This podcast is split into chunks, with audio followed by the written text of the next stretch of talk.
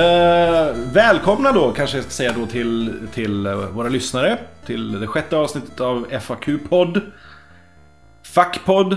Eh, de vanliga frågornas podd.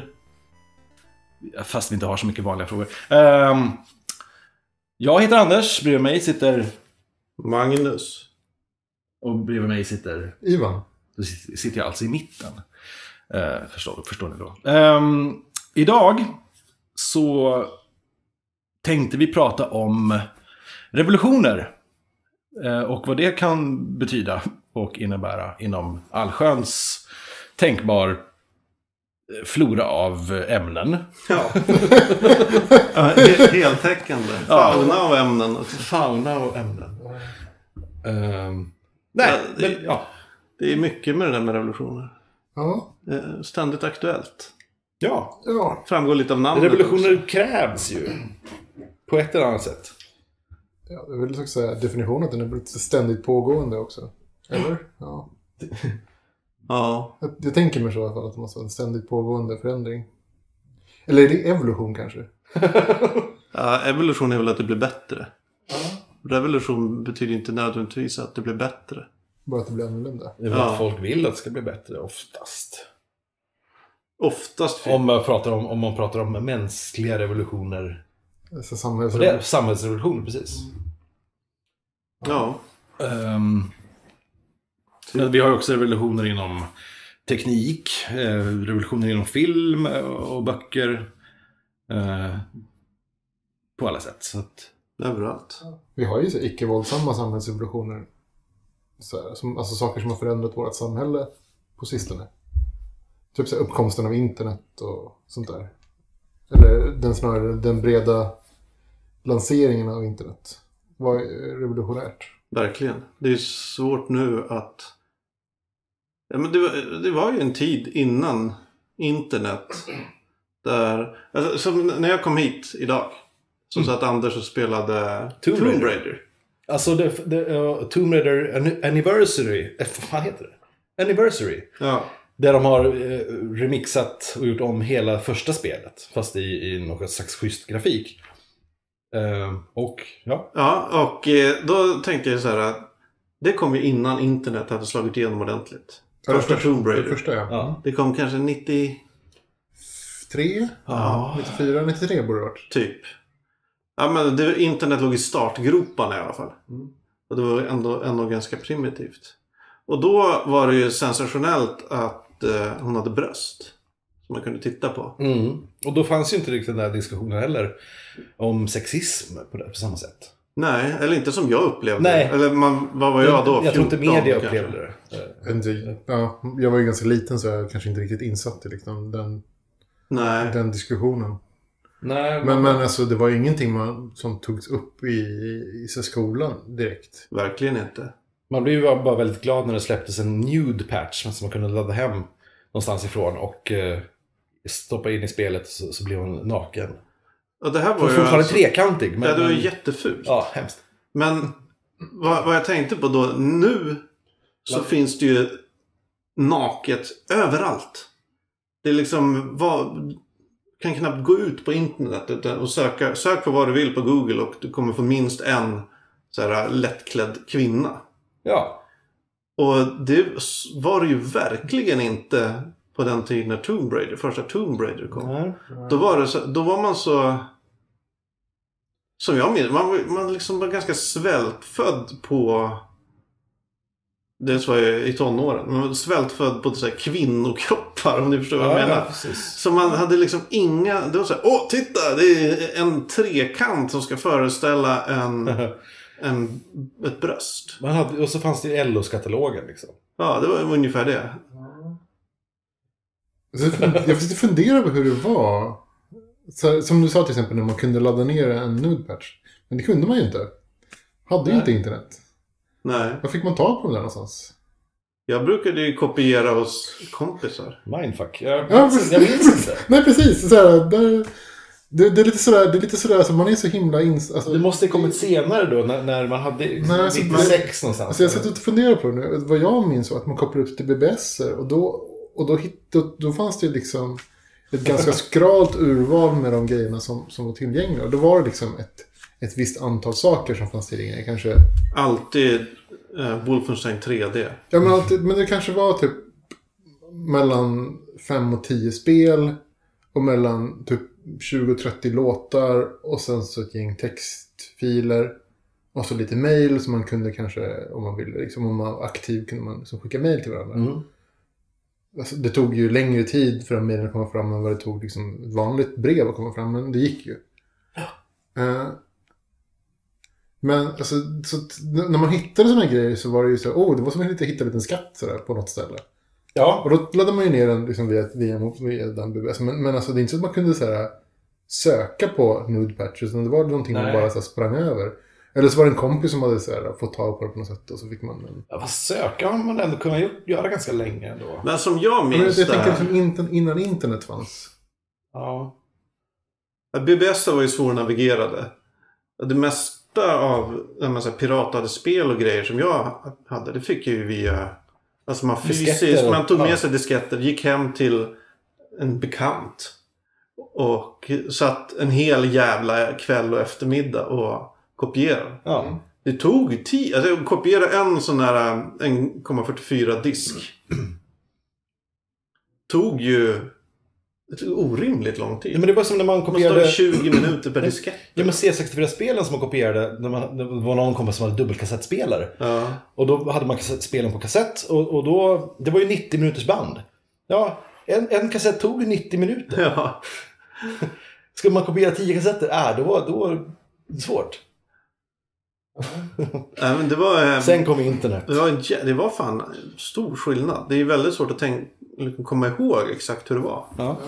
För Alltså in, jag minns ju att jag satt ju väldigt mycket framför datorn även innan internet kom. Och så jag sitter och funderar, jag funderar lite grann på vad det var jag egentligen gjorde.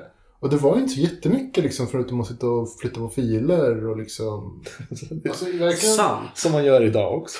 Ja fast det, jag kunde ju sitta timmar och hålla på med det. Och liksom försöka...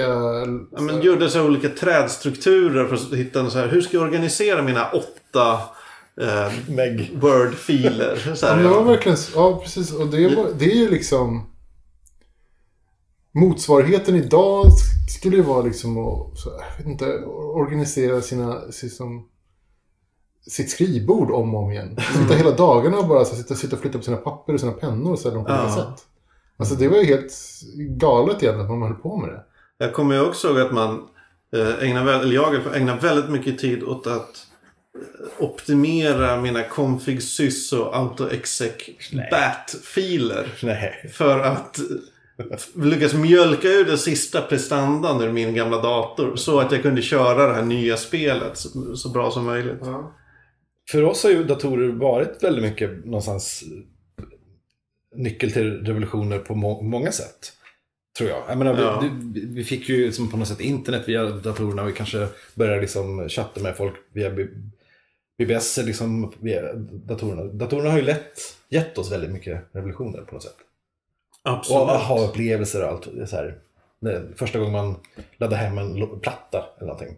Första det var häftigt. Första gången jag så, såg en eh, bild, kanske inte behöver gå in på vad för slags bild, men, men när den inte var i 256 färger, när den var i 16 miljoner färger. Jag minns steget, jag minns, jag minns, jag minns bilden. Shit, kan det se ut så här? Det var revolutionärt. Alltså den utvecklingen av dator och grafik som var mellan jag var säg, 10 och 20. Mm. Det, det måste ha alltså, ökat exponentiellt många gånger om. Under det. Alltså fruktansvärt stor skillnad. Jag kan inte säga att livet var bättre innan internet, det var det ju inte. Nej. Nej. Jag tänkte på faktiskt häromdagen eh, det här med, man brukar alltid säga att vad gjorde man innan internet? Och så kom jag att tänka på, men så här måste ju folk ha sagt jämt. Folk måste ju verkligen ha sagt, vad gjorde vi innan hjulet? Ja, eller vad gjorde vi innan telefonen? Ja, men vad gjorde, ja precis. Vad gjorde Vad vi innan vi innan, tryckkonsten? innan bläckpennan? Vad skrattade, vad sjuka vi var som satt och Ja, skrev ner saker på pergament. typ, Ja. Vad gjorde vi innan tryckkonsten? Fan. Ja, för det bara kom ju. Alltså när det väl uppfanns så, var det, så fanns det ju där liksom. Ja. Det, var, det fanns inget sätt att alltså, ta tillbaka, stänga liksom, lådan och säga att nu, nu skiter vi i det här. Mm. Det var- Ja, då, då hamnar vi i något Pol Pot-sammanhang. Det, det går ju inte. Liksom. Nej. När man väl har öppnat den, den liksom, Nej. eller tagit det steget så går det inte att ta tillbaka. Mm. Ja, men internet kommer nog, om nu vår civilisation överlever, Mm. eh, säg några generationer, så kommer ju... Alltså internet måste ju vara en av de största grejer som hänt mänskligheten. Absolut. Jag tror det är intressant också att, att vi... Det finns ju forskare som säger som att man ser ju oftast inte, oavsett vilken tidsålder eller vilken teknik det handlar om, eh, först efter 50 år när folk har liksom vant sig och har arbetat med det i typ en generation, att då börjar man se vad det är för någonting. Och så vi sitter ju här och, och tycker att internet är färdigt, kanske på något sätt. Eh, Medan det, det är ju förmodligen ingenting mot vad det är när det, när det är färdigt, situationstecken. Um, eller om, om 40 år liksom. Vad är det då? Alltså, det kanske är fruktansvärt. Ja, men jag gissar ju så här, internet, det, den revolution som internet innebar kommer nog förblekna i jämförelse med revolutionen som det portabla internetet innebär. Mm. Att vi alltid har en liten dator i fickan med oss. Du vet, typ eh, Med- smartphones. Ja, smartphones. Smartphones har ju förändrat min vardag fantastiskt. Alltså jag, jag tänkte på det. Det jag, för mig tog det ganska lång tid innan jag skaffade mig en smartphone. Det steget var ändå ganska liksom långt. Fast när, man väl, när jag väl gjorde det så märkte jag alltså vilken vinst Mm. det var för mig. Alltså Mm. i min vardag. Nej, jag vill jättegärna ha knappar fortfarande. Tangentbord gärna. Ja, det var inte det som störde mig mycket. Jag såg inte riktigt funktionen förrän jag skaffade mig. Alltså så här, vad ska man det här till? Jag har ju en dator. Hela tiden. Alltså för att när man jobbar med datorer och har sin dator i sin närhet hela tiden. Mm. Så, så behöver man ju liksom inte, kände inte jag då att jag behövde det här. Men nu skulle jag inte kunna, alltså när jag glömmer telefonen när den är urladdad så blir det jättejobbigt. Mm. Alltså jag var ju väldigt sen på att skaffa mobil. Jag Ja. tog steget till mobil kanske 2003. Ja. Då var jag ändå typ sist av alla jag kände som ska, som Ja, skaffade det är väldigt, väldigt sent. Ja, Det är typ så här gammelfarfar sent. ja, ja, 2002. Nu när du har haft mobil i tio år, hur känns det? Nej men alltså, ja, det här- 2002. Ja men där omkring. Ja. Jag tyckte jag var sen, jag skaffade 98 eller någonting tror jag. Ja. Morsan jobbar på Ericsson och kom alltid hem med eh, så här, prototyper. Eh, halvhemliga modeller som man fick testa och sådär. Så att, Mm. sen när de blev släppta och så blev prototypen gammal för den var förmodligen inte helt buggfri heller. Så vi fick alltid behålla dem där. Så jag är uppväxt i en Ericsson-familj och jag minns när jag gick över to the dark side och köpte mig en Nokia. Vad bra allting blev. ja, det fungerar. ja, det fungerar. Alltså min bästa telefon var en, en Ericsson tror jag. Ja. En Sony Ericsson. Den funkade, Hotline. den funkade hur länge som helst. Och sådär, uh, den gick liksom aldrig sönder. Den funkade över hela världen också, vilket hälften av telefonerna inte gjorde. NMT-nätet eller? Ja, Kanske det var samma Nej, frekvenser. den funkade både i USA och Sverige och, Afrika och, liksom, och Asien. Vilket typ ingen annan telefon som jag haft har, har gjort. Och den hade både Bluetooth och IR. Vilket var liksom en otrolig fördel när man skulle... Mer än iPhone har. Ja, jag vet. Den var helt galen. Det är den bästa telefonen jag någonsin haft. Fast å andra sidan hade den ju ingen... Jo, man kunde surfa på den också. Ja, vapp. Vapp, det var, fy fan. Jag använde aldrig det. Inte jag heller. det jag, Jag tror jag byggde med en egen vapp-sida. En egen sida, men jag tror inte ens jag surfade in på den själv.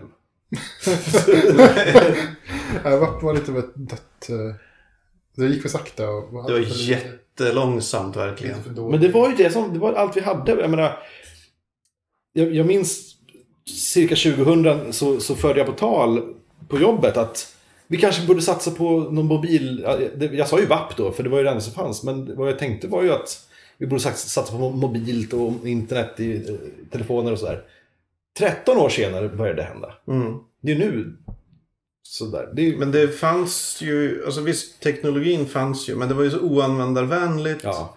och så dåligt. Så det fanns ju ingen anledning. Men det är som internet innan 95. Liksom. Mm. Ja. Mm. Det fanns ju också, men det var ju otroligt oanvändarvänligt. Alltså, och dåligt.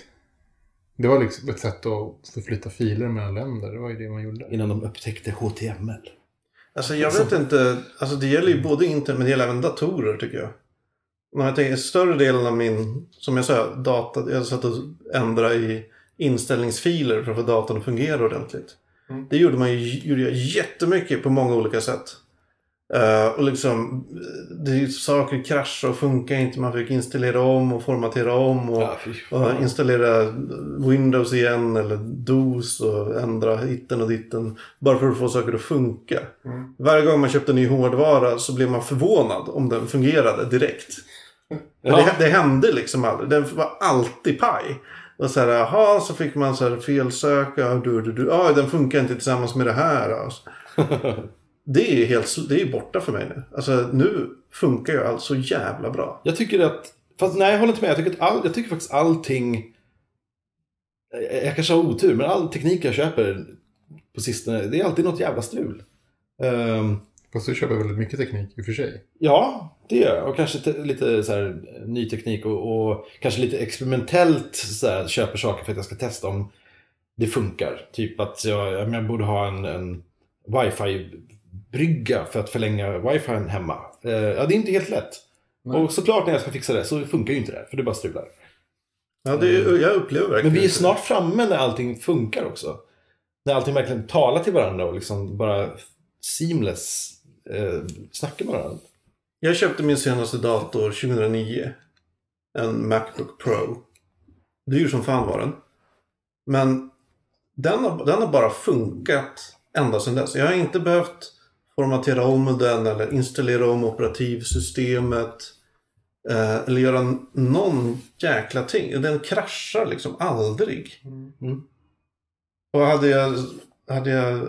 Det gick inte ens att föreställa sig för 15 år sedan, 10 år sedan. Att något skulle funka så bra som en dator. Nej. Det är skönt att man har börjat satsa på liksom användarvänlighet jämfört med, med funktioner. På många sätt. Alltså det är väldigt mycket liksom att saker ska fungera för gemene man. För att man, de har ju fattat att det är den stora marknaden på något sätt. Mm. Det är där man säljer. Mm. Genom att sälja till så mycket folk som möjligt. En funktion som faktiskt är användbar. Och det är ju en, en revolution inom teknikbranschen, skulle man kunna säga. Liksom så att, att, att man förstår vad det är man ute, alltså vad folk vill ha. Och det är nog mycket nyckeln till framgången till, till iPhonen. Eh, just att den, är, den har en knapp. Tydliga ikoner. Klicka på en ikon och någonting händer. Ja, den har inte fler funktioner än, än vad man behöver egentligen. Nej. Det är väl det. Och samtidigt har den jättemånga funktioner. Ja. Alltså det är ju det, den, den, kan, den saknar ibland väldigt grundläggande grejer. Mm. Men sen har du ju appar som kan göra de här bisarra saker. Mm. Som är... Äh, jag gillar den. Har du någon favoritapp?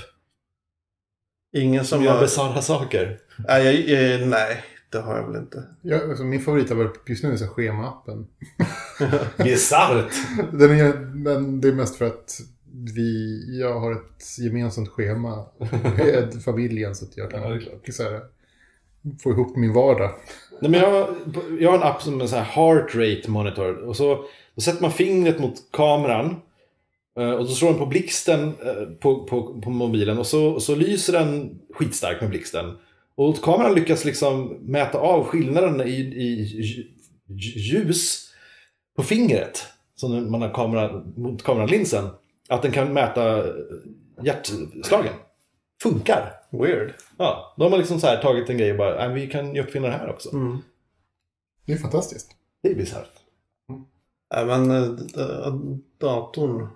Fan, internet. Fan. Alltså på ett Ja. personligt Ja. plan så har det ju förändrade det ju sjukt mycket. Alltså för mig som var liksom en otroligt blyg, introvert kille som ja, hade för sig ganska mycket vänner och sådär. Men en sociala sfär bara exploderade Mm. när internet kom. Mm. Och bara det här att man... Alltså det har säkert både varit bra och dåligt. För man hittar det här... Man hittar massa människor som hade exakt samma intressen som man själv. Mm.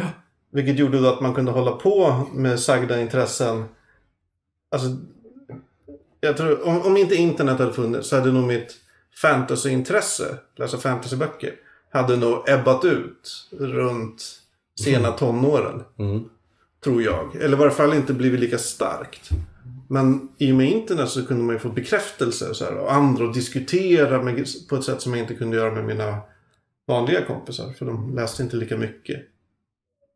Mm. Så på det sättet har det ju varit en Alltså, ja, livsavgörande väl att ta i, Men det har ju helt klart definierat mig och vem jag är idag. Ja. Utan tvekan. Ja, det har det väl gjort för mig också. Alltså absolut. Att, att hitta någonting som man var bra på, för mig var jättestort. Alltså, att faktiskt märka av att jag var bra på, på någonting och sen få bekräftelse för det. Det är ju fantastiskt. Mm. Och liksom i, i man säga, inte den verkliga världen, men alltså utanför internet så skulle få, få sån typ av bekräftelse skulle vara väldigt svårt. liksom för att, eh, säger man, så här, liksom mentala in, så här, intressen som har liksom med, med typ logik och spel och strategi att göra är ganska svårt att få bekräftelse för i, var, i vardagen.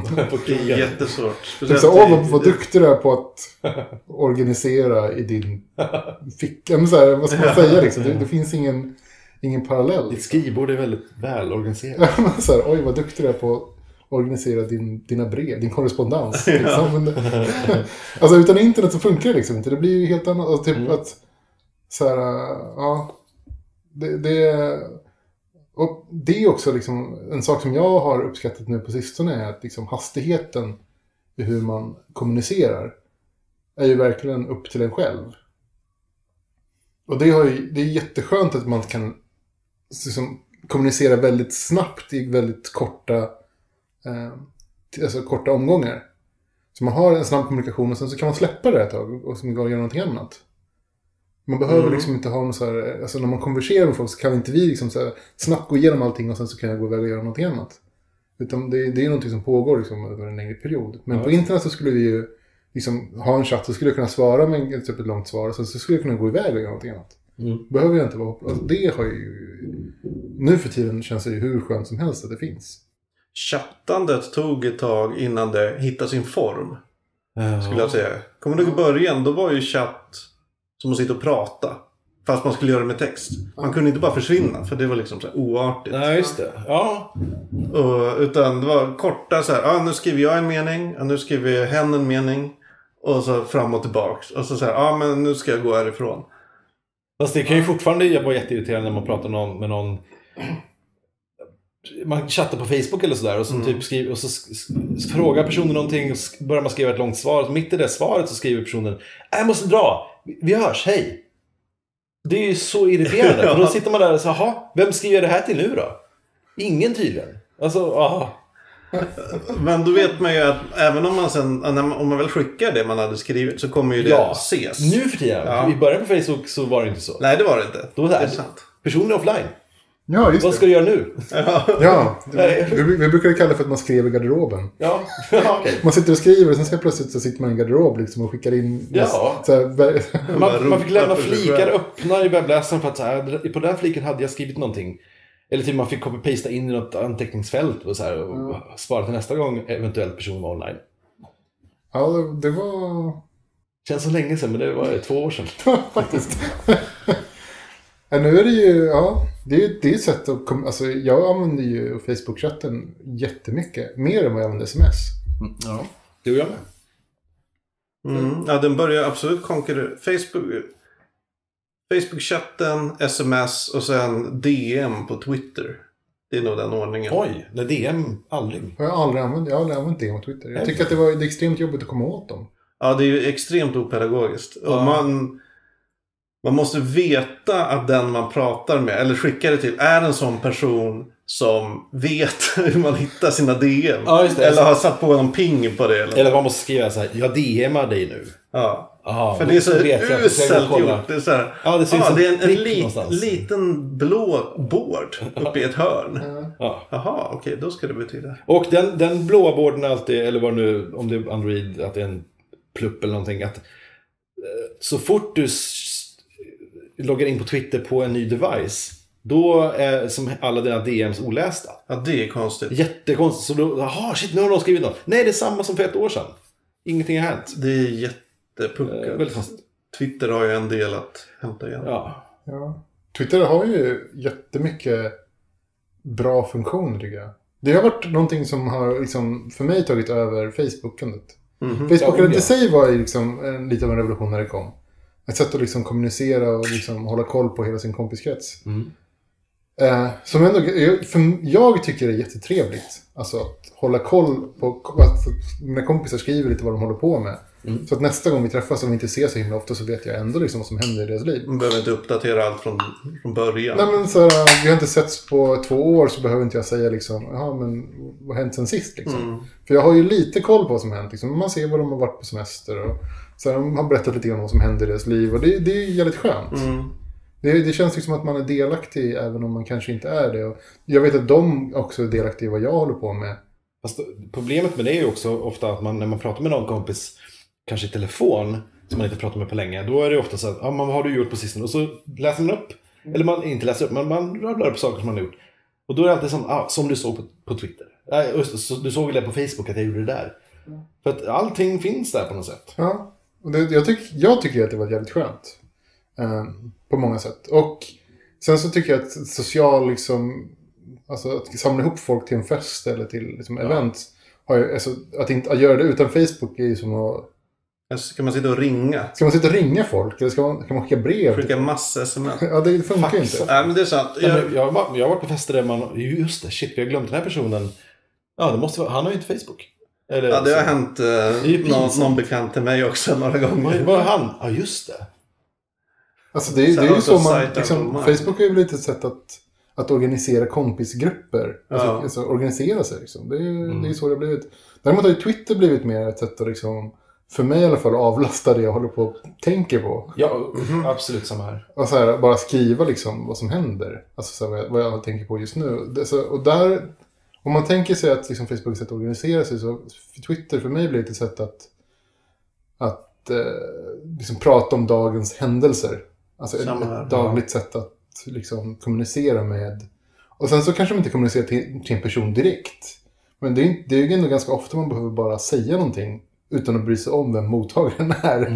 Nej, men för man bryr sig inte på Twitter. Nej, alltså, jag- Fast den känns, och därför känns Twitter liksom så mycket mer privat. Även fast det är öppet för hela världen. Ja.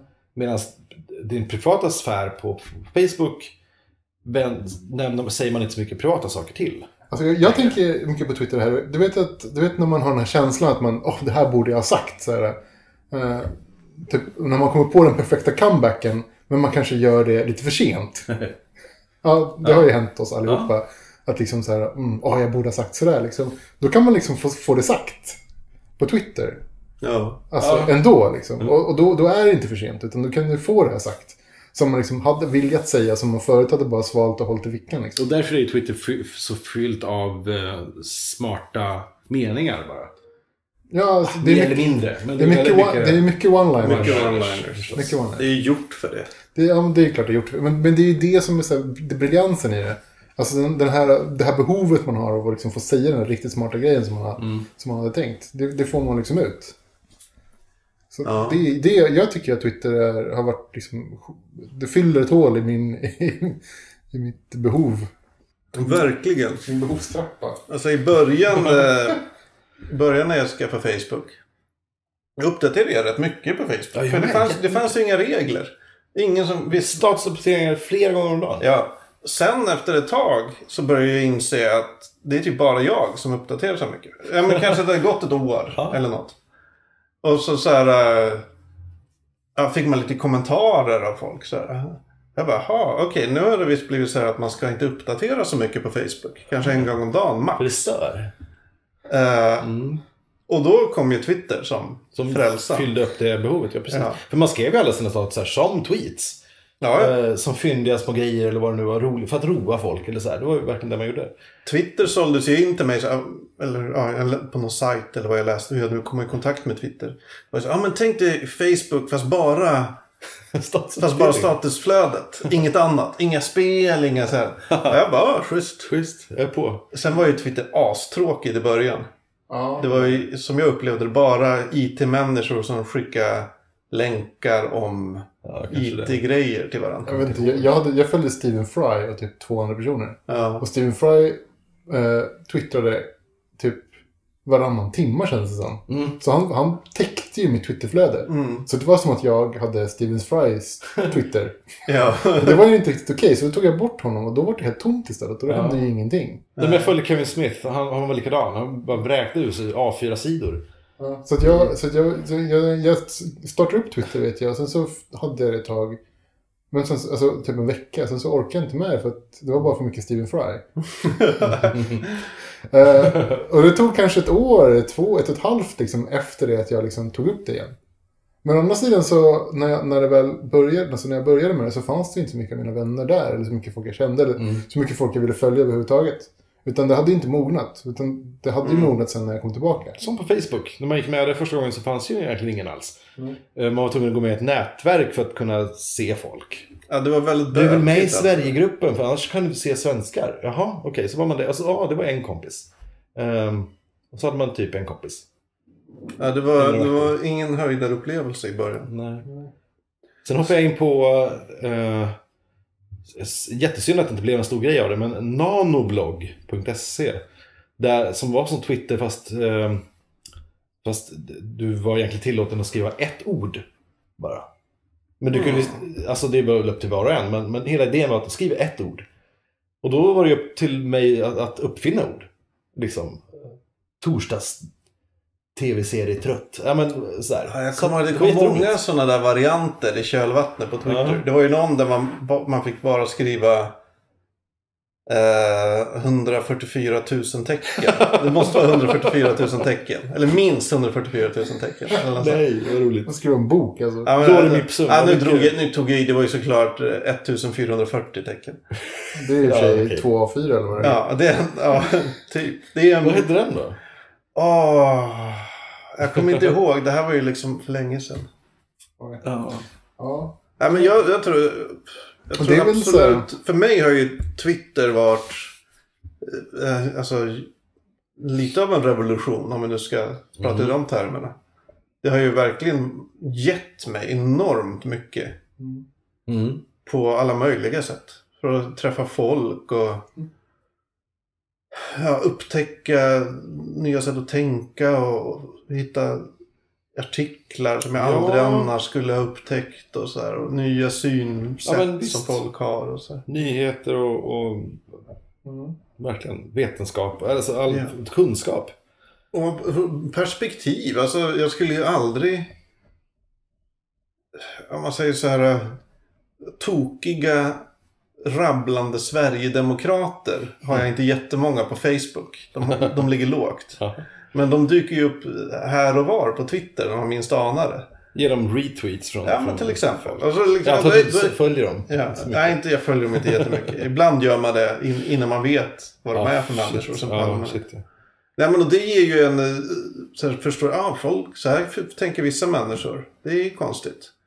Men att det är så lätt, Facebook är så lätt att man hamnar in i sin lilla, lilla bubbla. Mm. Av folk man redan känner. Mm. Så att man exponeras inte för något nytt. Nej. Och det jag har känt också att, att det, det är en som bubbla av människor som är så olika. Du, du har liksom jobbarkompisar, du har till viss del kanske släktingar eller vad, vad det nu är. Eh, eller bästa kompisar eller gamla ex. Eller, det är en så jävla röra så att det finns egentligen ingenting jag kan skriva där som, som jag känner träffar rätt överallt.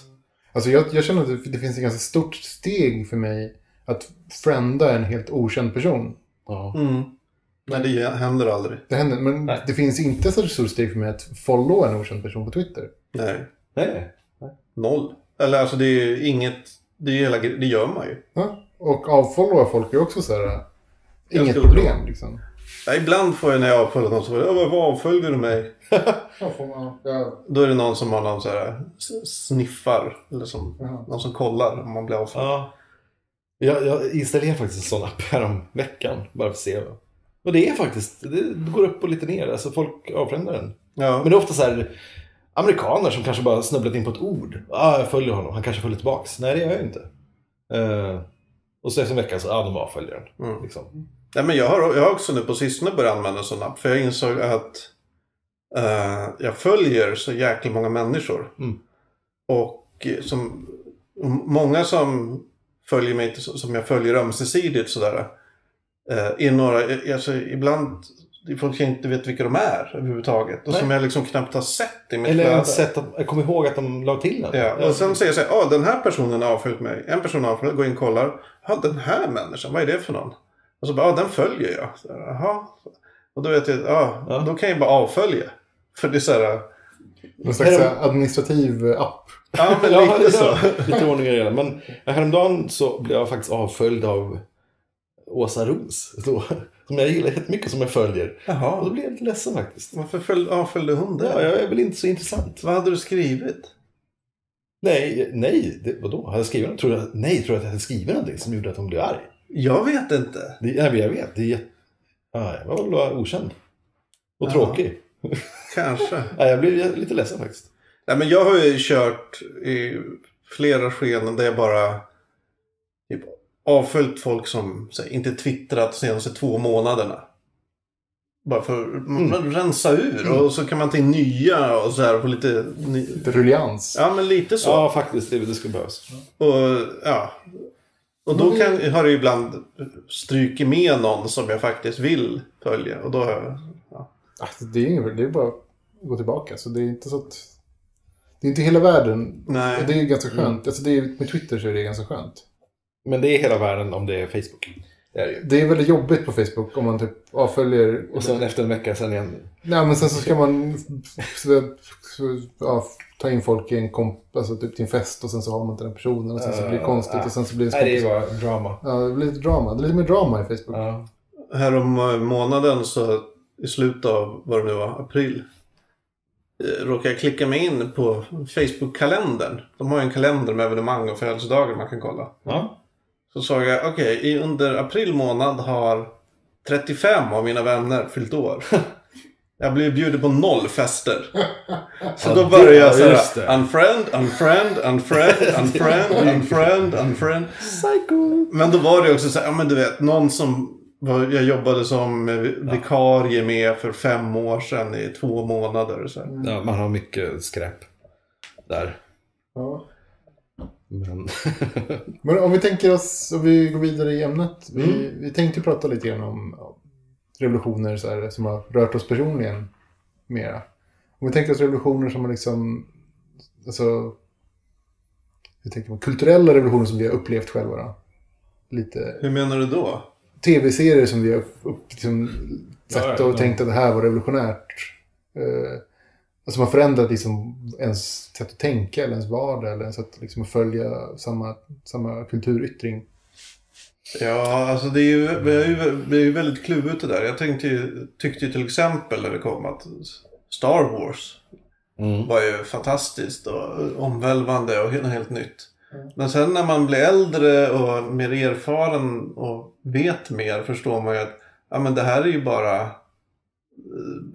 plagierat väldigt mycket. Ja. Alltså Star Wars i sig är ju det revolutionära där är ju kanske marknadsföringen och paketeringen. Mm. Inte så mycket idégodset. Men, och... men har det liksom dragit, ifrån, dragit eh, bort ifrån själva upplevelsen? Alltså från den revolutionen som du upplevde just då? Säg att det hade varit, liksom, om det är plagierat, om du hade liksom fått samma fast i ett annat format från liksom ett original, eller vad man ska säga. Jag vet inte. Jag vet inte om man kan prata om revolutioner och så. Men å andra sidan, jag menar, om bortser från oss själva så har ju, alltså Star Wars har ju, man hör ju det om och om igen på folk som arbetar med film som ideligen tjatar om att, att när de var unga och första gången såg Star Wars och att de bestämde sig där, där då att nu ska jag pyssla med film. Mm. De, jag vet inte om det, det kan ju vara en fabrikation att de säger så. Men, men man hör det om och om igen. Så Star Wars har nog betytt någonting Alltså det var ju, det var ju, det var ju den första blockbustern. Det var liksom den första stora jäkla filmen. den hade ju det ett bombastiskt sätt att berätta, alltså ett bombastiskt filmberättande som, som liksom inte hade funnits innan. Mm. Det var ju ingen, ingen film, vad jag minns i alla fall, som hade samma episka känsla. Nej, blockbuster. Det var en Mm. För, alltså, och då, då, hade, då fanns ju ändå mastodontfilmer som jag har sett också på bio. Till exempel typ Ben Hur eller Quo Vadis. eller sånt där. Den ligger på min eh, skämshög. Ben Hur, jag har sett den. Ja, vänta, den är, den är Lång. lite sådär. den är lång. Eh, men de, de gav inte mig samma episka känsla som, som vet du, Star Wars. Och Star Wars var det ju inte så mycket liksom historien. Eller det var till viss del historien, men, men det var ju liksom att de öppnade dörrarna till en helt ny värld. Mm. Ja, det gjorde de bra. Och det kommer inte jag ihåg att det har funnits tidigare. Alltså, menar. Eh, franchise-stuket nästan. Ja, men alltså, Alltså om man tänker som... ur marknadsföringssynpunkt är det ju franchise-stuket, men också för mig var det så här, här finns det en hel värld med, liksom, att upptäcka, liksom, en hel, ett universum med nya grejer. Alltså historierna fortplantade sig i mitt huvud i vidare liksom, ifrån filmen. Filmen tog inte slut efter att filmen tog slut för mig, utan filmen fortsatte i mitt huvud med egna historier. Och det var ju någonting som inte jag hade upplevt förut. Jag tycker det är så svårt att prata om... Alltså film har ju inte funnits jättelänge. Och som ja, vi var inne på, ibland tar det 50 år innan något verkligen har hamnat i ett sammanhang och sådär. Så att det känns på så här, när, när man är mitt inne i det så blir ju inne i kanske då den filmera som startades med Star Wars, en sorts blockbuster-era. Mm. Och då vet man, kommer det bara vara en liten blipp i filmhistorien? Så. Nej, jag tror snarare det kommer bli, det kommer, i, i retrospekt om många år kommer det nog att ses som en ganska viktig grej. Så, för Blockbuster idag är ju, hela den kulturen har ju på något sätt tunnat ut och, och gjort filmen ganska dålig. Alltså folk går och ser skit, det, mycket, folk, det görs bara stora Hollywood blockbuster skitfilmer som folk betalar för att vilja se. För de vill se massor med action och grejer, det är liksom bara skräp. Eh, Det har ju urholkat filmkulturen också, på sikt nu. Eh, Och det är kanske det som man kan, kommer minnas den här blockbuster-eran då. Hur den liksom Ja. urholkade... För jag tror att, att, och det kommer att försvinna i och med liksom, folk har lättare att göra film själva nu för tiden. Folk har lättare att, folk är mindre benägna att gå på bio eh, och se de här stora filmerna. Liksom. Alltså det, det är ett problem att blockbusters kräver så mycket budget. Mm. Att det, liksom, det krävs ju att, att den drar in så extremt mycket Just pengar för att gå runt. Och det, då krävs det i sin tur att, att filmen måste funka för alla. Ja, då måste den vara extremt platt. generell och liksom och intetsägande. Tills-. Det blir, blir det till slut. Ja.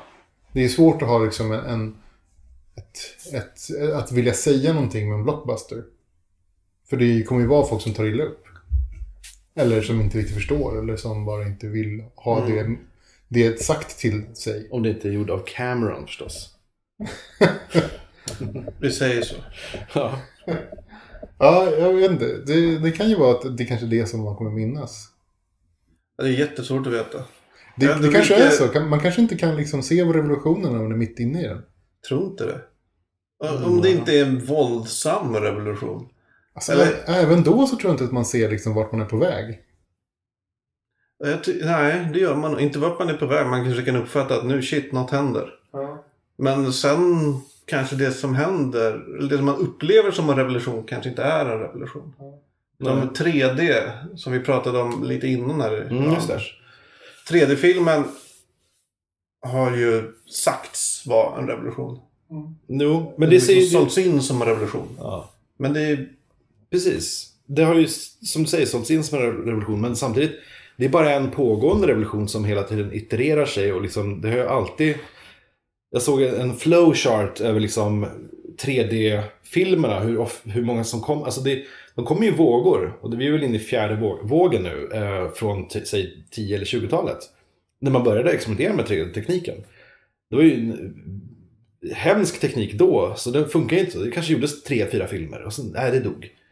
Ja, så var det dött i 15 år. Sen typ gjordes några, kom man på, ja men vi kanske ska testa det här med rödgröna glasögon.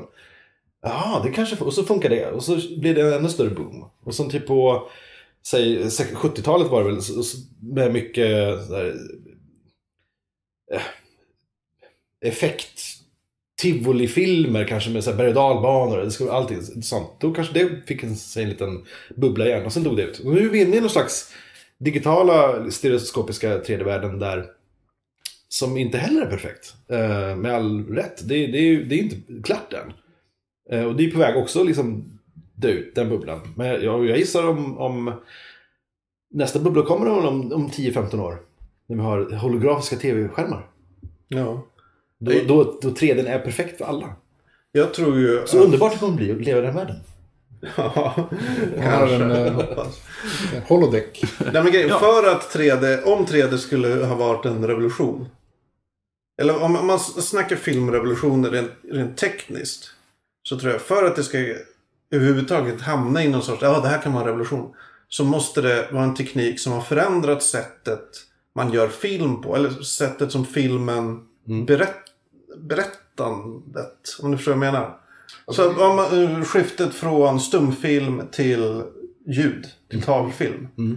Det ändrade ju filmen som medium. Liksom. Vad, vad en film var och vad man kunde göra med en film. Och hur man berättar med en film. Hur man skrev manus för en film.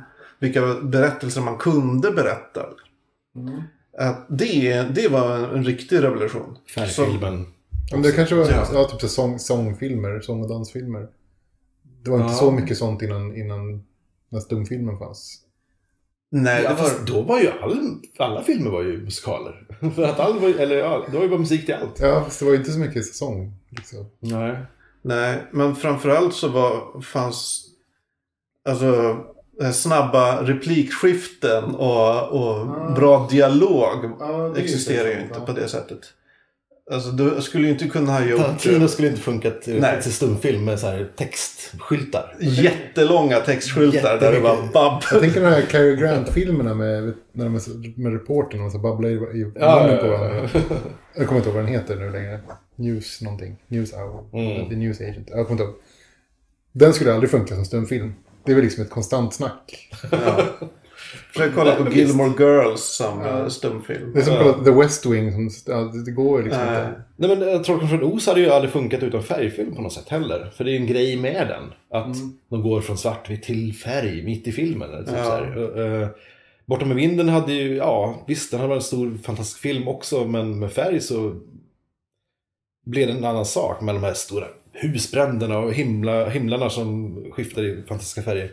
Ja, jag tror det blev svårare att göra trovärdiga kulisser Ja, när det blev färg. Och därför var man tvungen att ja ta i ja, mer och ja, är anstränga sig mer. Det tror jag. Eh, medan 3D har ju... Om man säger så här, bara det att man kan se en 3D-film i 2D. Och att, att själva handlingen och så inte... Alltså man, man missar inget. Nej. I det berättartekniska, i handling, i... Precis. Det säger ju en del, tycker jag. Ja. Ja, det skulle krävas en annan typ av 3D för att det skulle berättas på ett annat sätt än det- vi har idag. Revolutionen i sig är väl kanske snarare att den har blivit ganska så vitt spridd, tekniken. Så att, så att vem som helst idag har sett en 3D-film eller, eller vet vad det handlar om åtminstone. Vilket jag tror inte folk riktigt på 80-talet visste när, när det fanns... Ah, man kunde gå och se en film och så var det en kvart i den filmen som var 3D. Ehm, för att det kunde inte vara längre för folk blev sjuka i huvudet. Sjuka helt enkelt. Eh, men idag så konsumerar folk kanske 3D på ett annat sätt. Ja. Men jag tänker på revolution, alltså... ehm, på något sätt så tror jag att Avatar också startade någon slags...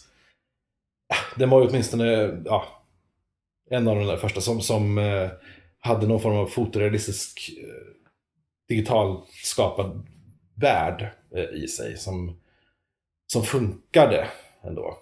Eh, den, en, den ligger någonstans på gränsen i alla fall av, mellan en ny värld där man faktiskt kan skapa eh,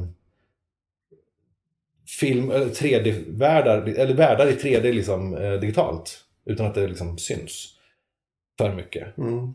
Eh, vilket säkert kommer vara en stor grej i framtiden. liksom.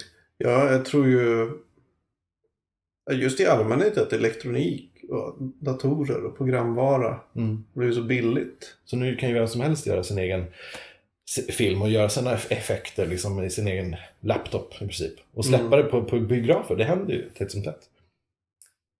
Eh, Monsters hette någon film som var ganska intressant. Det var en snubbe som hade gjort en film. Uh, gick på filmfestivalen. Nej men och han hade liksom bara gjort jättevälgjord och allting. Men han hade gjort själv, alla monster själv i, i filmen. Det var väldigt... Serien istället. Monsters. Monsters. Jag såg den på filmfestivalen, Mm. för mig. För Ja, två- Kompetent. två- Ja, men var det den, eh, den här uh, brasilianen? Just det, de skulle ja, ta sig igenom eh, Mexiko på något sätt. Finns på Netflix numera. Ja, Jag gillade den. ja. Jag såg den också på filmfestivalen. Också regissören som var, han satt på sin laptop och gjorde de Jag tror här. att vi såg den tillsammans. Vi såg den tillsammans. Mm, det gjorde vi. Just det. Jag gillade ju att det var en monsterfilm som ändå var ganska lugn. Ja, alltså det var inte så mycket sådana här uh, vet, ryck, rycktillfällen. Nej. Typ så att någonting dyker upp bakom ett hörn eller så här, ett skarpt ljud eller någonting sånt som man rycker till. Det var inte Och så, så var det bara sånt. katten. Och Puman pustar ut och så 3, 2, 1. Ja. Och så kom den riktigt otäckta. Ja. Otäcka på riktigt. Vad blir nästa revolution då? Om vi hoppar vidare liksom. Vad, vad är det som vi inte vet blir stort? Snackar vi om eh, TV? Alltså Nej, jag, jag tror så här. Man teknik. tror ju mycket att 3D-printen kommer bli en revolution. Mm. Jag tror inte det kommer bli det. Jag, jag tror inte det kommer bli förrän den blir allmänt tillgänglig. Jag är vä- väldigt skeptisk. Just för att alla är så övertygade om att det kommer bli en revolution. Det slog mig häromdagen att vilken fantastiskt bra grej med att ha, att ha med sig en 3D-printer upp på rymdstation. Ja, Alla reservdelar de kan bygga. Det är ju på vad man superbra. eh, stoppar i. Ja, Precis. jag vet inte. Alltså det... Svårt att 3D-printen har ju varit snack om... Vad sa?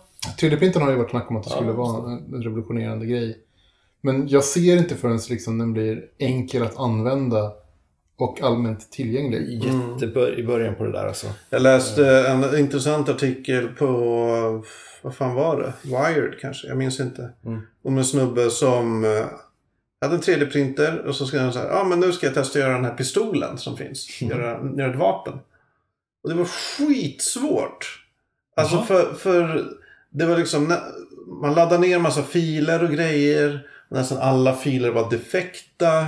Och det var liksom inte bara kompatibelt med det nya. Och så, det var bara så jäkla krångligt att göra. Filformatet har inte satt sig riktigt Ja. än. Alltså, jag, jag tror att det är liksom som, som datorer för 30 år sedan. Ja. Liksom. Ja. Alltså det, det är inte Ja. riktigt...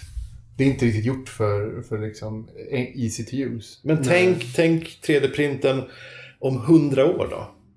ja, då kan Det det, är ju så vara. exponentiellt långt bort så alltså, det blir ju... Alltså, det behöver inte vara 100 år, det räcker med liksom 10-15 år. Jo, jo, om 10-15 år har vi en schysst 3D-printer. Ja, Men vad är det om 100 år? Om 20 år så har vi en schysst 3D-printer som alla kan använda typ som en vanlig liksom, skrivare. Ja, och du kan säkert skriva ut eh, organiska saker som typ eh, mat. Om Ja, 100 år. om 100 år. Ja, om 100 år kanske det.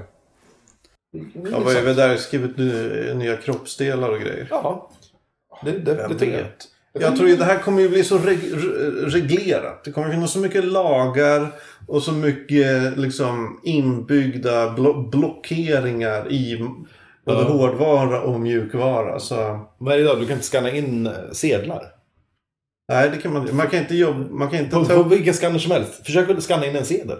Ja, men försök jobba med en sedel i Photoshop. Det går inte. Den bara, det här är en sedel. Ja, Det här får du inte Nej. göra. Är det så? Ja.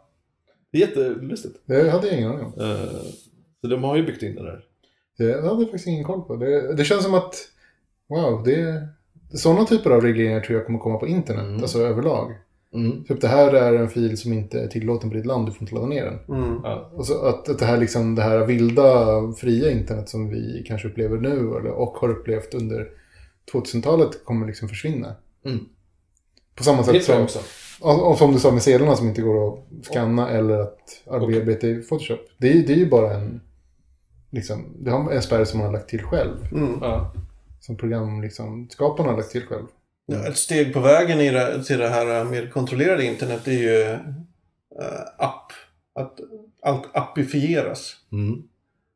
Och det finns ju till exempel på, på Macen nu så har de ju en Mac Store eller vad fan den heter. App Store för Mac. Mm.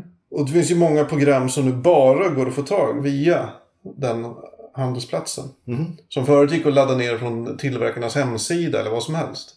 Ja, ja. Eller shareware.com eller allt. Just det. Ja, men det, det fanns massa så här ställen där man kunde ladda ner program. Och nu finns det bara där. I Mac Store. Eller App Store eller vad fan den heter. Och det är klart, det får effekter. För då, är det, då har vi ett företag som sitter och bestämmer. Mm. De här programmen är officiellt godkända. Just det. Det här programmet innehåller si och så. Ja. Det är inte okej. Och nästa steg är ju bara, ja nej det går bara att installera program som är köpta via eh, den här Absolut. handelsplatsen. Och visst, det kommer alltid gå runt. Det kommer alltid finnas hacks och, och det kommer alltid finnas... Men när vi har ett stort och låst internet i framtiden, då kommer det alltid dyka upp ett nytt internet underground som, som kommer Ja. konkurrera ut det i, i framtiden också. Eh, men De flesta människor kan inte hacka. nej, exakt. Det är ju det det handlar Och om. det är det det handlar om, precis.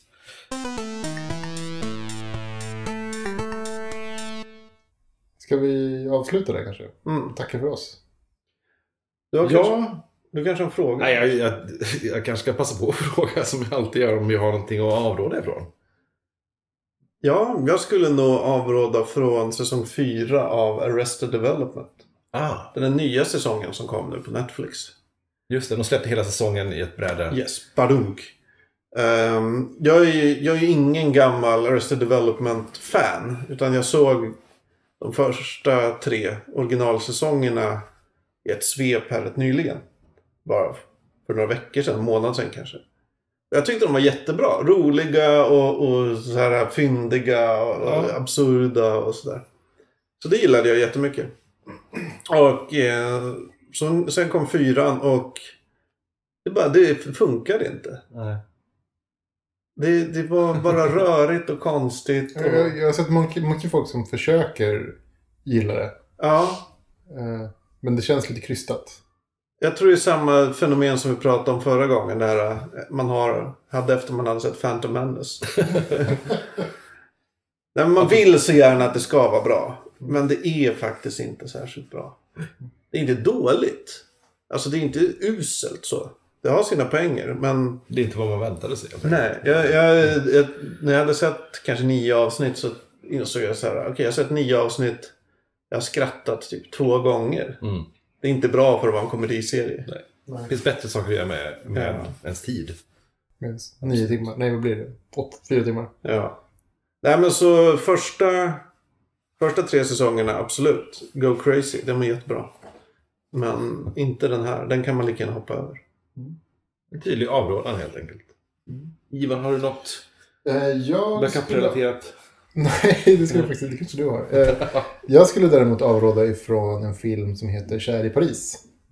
En gammal klassiker från Kär i Paris. 50-talet. Med...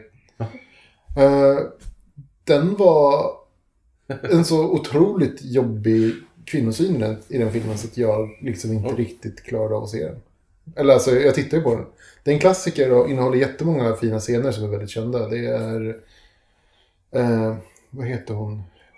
Breakfast at Tiffany's. Audrey Hepburn? Audrey Hepburn och danskillen Uh, Fred Astaire. Fred Astaire. Audrey Hepburn och Fred Astaire. eh, gjort film, en, film, en romcom tillsammans. Men liksom kvinnoporträtten eh, var väl helt okej, men, men kvinnosynen var så jobbig att liksom titta på. Så att, nej. Det känner jag igen från ett antal. ja, Just romcoms som kom 60-talet kanske. Ja, 50-60-talet. Där är det så här, när man tittar på dem nu. Nej, det, det går Just- inte. Bara, okej, där blev hon våldtagen och det var tydligen okej. Så här, Ja. Date rapes, Ja, kors det- och det- tvärs. det Kvinnorna var- finner sig i varenda Det, vad det som är liksom så här, det var skitjobbigt. Eh, jag rekommenderar inte att se det. Usch, nej. Undvik. Om det är någon gång i vår populär, populärkulturella historia där ett nej betyder inte ett nej har blivit cementerat så var det ju i den typen av filmer. I den perioden. Ja. Absolut. Ja. Herregud alltså. Ja. Don't do it. Don't do it. Eh, du då, Anders, har du något att... Ja, eh, jag funderar lite. Nej, men alltså, jag skulle avråda från att låta bli att göra backuper på datorn. Det är väl ett sätt för mig att leda in på att jag eh, har, har talat väldigt gott om en tjänst på nätet i många år som heter Dino. eh, Som eh, hade oändlig backup, funkar hur bra som helst i flera år. Och så plötsligt en vacker dag så bara funkade inte backupen längre. Så kollade jag upp sajten och då var sajten borta. Och så kollade jag upp deras Twitter-sida så var Twi- båda deras konton borta. Finns helt enkelt inte. Så alla mina filer bara plötsligt totalt borta. Så jag avråder från att kanske använda moln online backuper som sköts av ett företag som man vet gick i konkurs i höstas.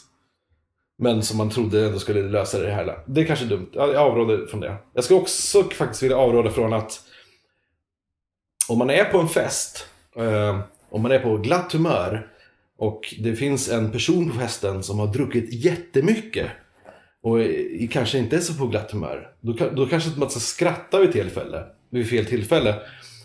För då kommer han nämligen fram och, och ger en en örfil som gör jätteont. Eh, så det, det jag vill direkt avråda från att, att eh, göra så. Kanske få- pejla läget lite bättre nästa gång. Precis. Undvik att få örfilar. Ja, Ja, ja, det är bra. det har jag avrådat från. Just det med molntjänst är ju lite läskigt. Ja, det är ju det. Det- Jag har så jävla Var mycket ligger grejer i datat? Det redovisas Och- och- aldrig. Ja, och det här att eh, de hade stängt av Twitteret. Det är ju en aktiv handling. Det måste man ju göra. Att hemsidan försvinner, det kan vara att man bara inte betalt räkningarna. Men det är så konstigt. Säg till en timme innan bara. Ja. Eller me- mejla en, en dag innan. Säger- Imorgon så lägger vi ner. Vi tänker inte förklara någonting. Men vi Ja. så att så här, radera hela, hela filen. Ja, Gör Typ någonting. såhär, rädda er backup för fan. Fan. Ja. ja, men jag hade ju som tack, tack och lov sparat. Jag hade ju kvar allting förstås. Ehm, det var ju en backup. Men uh, stackars människor som hade liksom använt det. Ja, nu när jag tänker efter hade jag nog en- kanske en 50 gig saker som är, ja, ja. Som kanske är borta. Skitsamma. Är Backupa era saker men, i, men på ett bra sätt. Var försiktig på nätet. Ja. Ja, men man ska ju vara medveten om att det är företag som man Ja. tankar upp sina grejer. Dropbox är ett jävla företag. Ja. Google är ett jävla företag. Nej, jo det är det. Ja. Det är ett fenomen. Hjälporganisation. Ja, det är faktiskt mest av allt. Fy fan. Ja men eh, tack som fan för att ni har lyssnat på eh, avsnitt nummer 6 av Fackpodden. Ja. Ja, Eh, ju, det var trevligt. Vi finns på faqpodd.se. Även på Twitter. Där det heter FAQ-podden. Podden. Någonting. Nej, FAQ-podd. Eh, ja men vill ni Du något? kan mejla också på hejatfackpodd.se. Helt otroligt. Är det någon som gör det någonsin? Ah, aldrig hänt. Nej, bra. Mejla aldrig oss. Och det är typ ingen som följer vårt Twitterkonto. Vi har, oh, vi har åtta följare. Ja, vi har åtta följare. gör vi det här för ens? Ja, jag vet inte. Värdelöst. Ja, det är folk som lyssnar. Har jag hört. Ah, ja. Tack och adjö. Tack och jag. Ha det så bra. Hej. Hej.